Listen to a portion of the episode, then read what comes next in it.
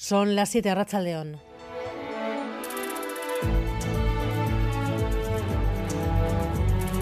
Gambara con Arancha García.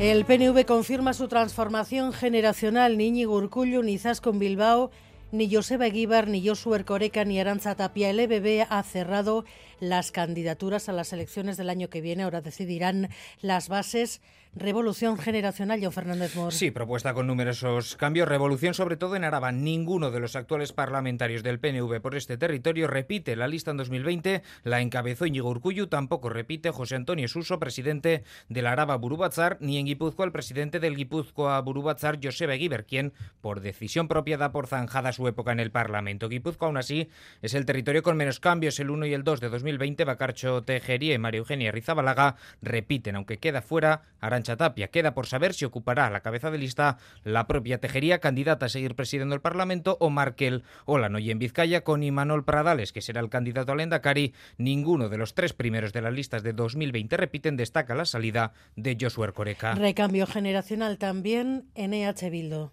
Además de solvencia, además de seguridad, además de compromiso con el país, tiene dos cosas muy importantes que va a ser difícil que tenga otro candidato o candidata. Pasión por cambiar las cosas y alma por recuperar para este país el estadio y el escenario que este país necesita y quiere. Pello Chandiano será el candidato al Endacari de Euskal Herria Bildu. Sí, porque H. Bildu también opta por el relevo generacional. Será su director de programa, Pello Chandiano, quien lidere la plancha de la coalición Abertzale en su intento de llegar al Endacariza. A sus 40 años no ha ocupado cargos públicos de relevancia, pero es uno de los principales ideólogos y uno de los hombres fuertes dentro de Euskal Herria Bildu, cuya mesa política lo propone por unanimidad como candidato al Endacari.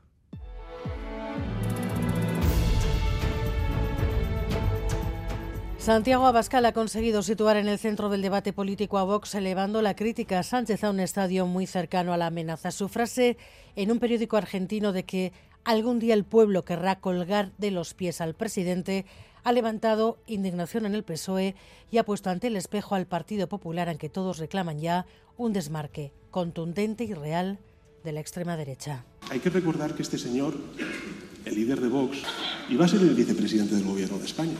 Y, esto yo creo que tiene que hacer reflexionar también al jefe de la oposición y al líder del Partido Popular sobre qué aliados tiene. Porque hoy Vox es importante porque el Partido Popular ha abierto las puertas de los gobiernos autonómicos y los gobiernos municipales. Y además el movimiento socialista articulado en torno a GKS podría estar preparando su salto a la política con la formación de un nuevo gobierno alternativa socialista ha convocado un acto para este sábado en Eibar. La cumbre del clima parece que va a defraudar todas las expectativas. El último documento, el que propone la presidencia de la cumbre, ni siquiera plantea el abandono de los combustibles fósiles. David Beramendi. Sí, decepción, incluso enfado entre los grupos ecologistas y algunos países, principalmente los de la Unión Europea, con la propuesta de acuerdo presentada esta tarde por la presidencia de la COP28. El texto presentado por Emiratos Árabes Unidos habla de reducir los combustibles fósiles pero no de eliminar. Esto es un insulto a la inteligencia, ha dicho Greenpeace. Es decepcionante, claramente insuficiente, ha opinado la Unión Europea. Así las cosas parece improbable que mañana haya acuerdo. En Gaza 18.200 muertos. Josep Borrell acusa además a Israel de estar haciendo en el sur de la franja las mismas tácticas o peores que en el norte del país. Israel should not use the same tactics in the south, but it is the same or still even worse. La situación en Gaza, una de las referencias del Endacari en la entrega del premio René Cassin esta mañana a la Comisión Internacional contra la Pena de Muerte. La lucha contra la pena de muerte tiene un corolario claro, el derecho a la vida, un derecho hoy flagrantemente vulnerado en Gaza, Israel y Ucrania, un derecho que fue durante décadas también vulnerado aquí en Euskadi.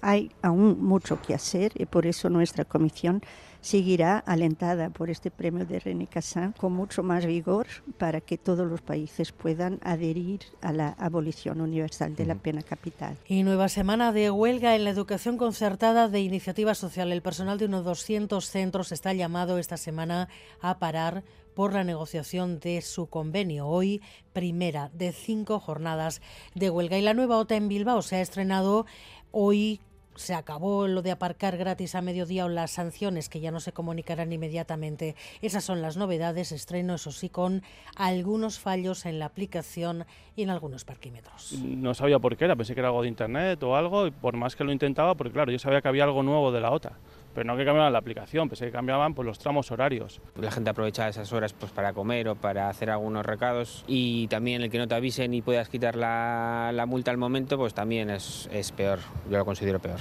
Y el Athletic que juega esta noche el partido que tuvo que suspenderse ayer en Granada, Edu García, Rachaldeón. Rachaldeón, así es, desde el minuto 17 se va a reanudar ese partido suspendido ayer por el fallecimiento de un socio del conjunto andaluz en el Estadio de los Cármenes. El partido va a arrancar con ventaja para el conjunto bilbaíno en el marcador y aquí Iñaki Williams se adelantó, adelantó al Athletic en el minuto 6 de esa primera parte. No va a ser evidentemente el mejor ambiente, pero en todo caso hay que jugar el partido. La Real está ya entrando hasta ahora en el Giuseppe Meazza, en Milán. Mañana, último partido de la fase de grupos de la Champions le vale el empate y la victoria, por supuesto, al equipo de Manuel para pasar a octavos como primero de grupo. Ya está clasificado para octavos, pero quiere hacerlo como líder del grupo D. Ojo al Inter que no pierde desde septiembre.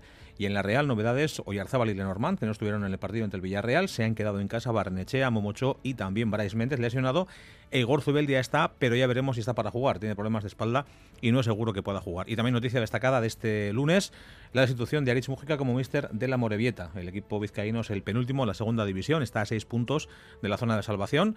Hace dos años eh, se hizo cargo del equipo en situación similar, entonces pasó a ser el primer técnico con la salida de Ñigo Vélez de Mentizabal con el equipo en segunda, perdió la categoría, logró de nuevo el ascenso a la categoría de plata y esa mala situación clasificatoria ha llevado al equipo vizcaíno a destituir al eh, técnico guipuzcoano, hasta hoy mister del equipo de la Morevieta.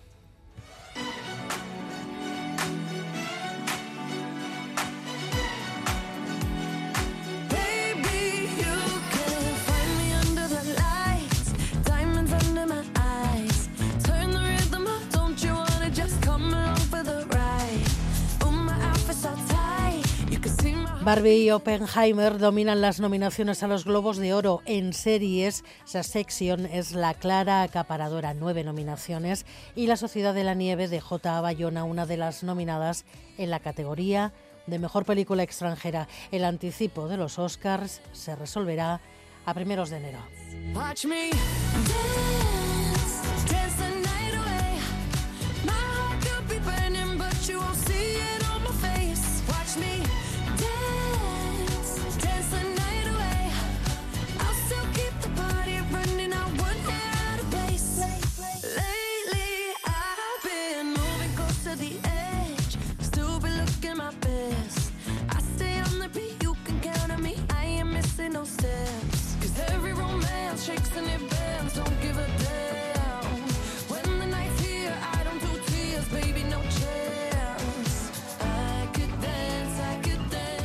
Miguel Ortiz y Alberto están en la dirección técnica, Cristina Vázquez en la producción.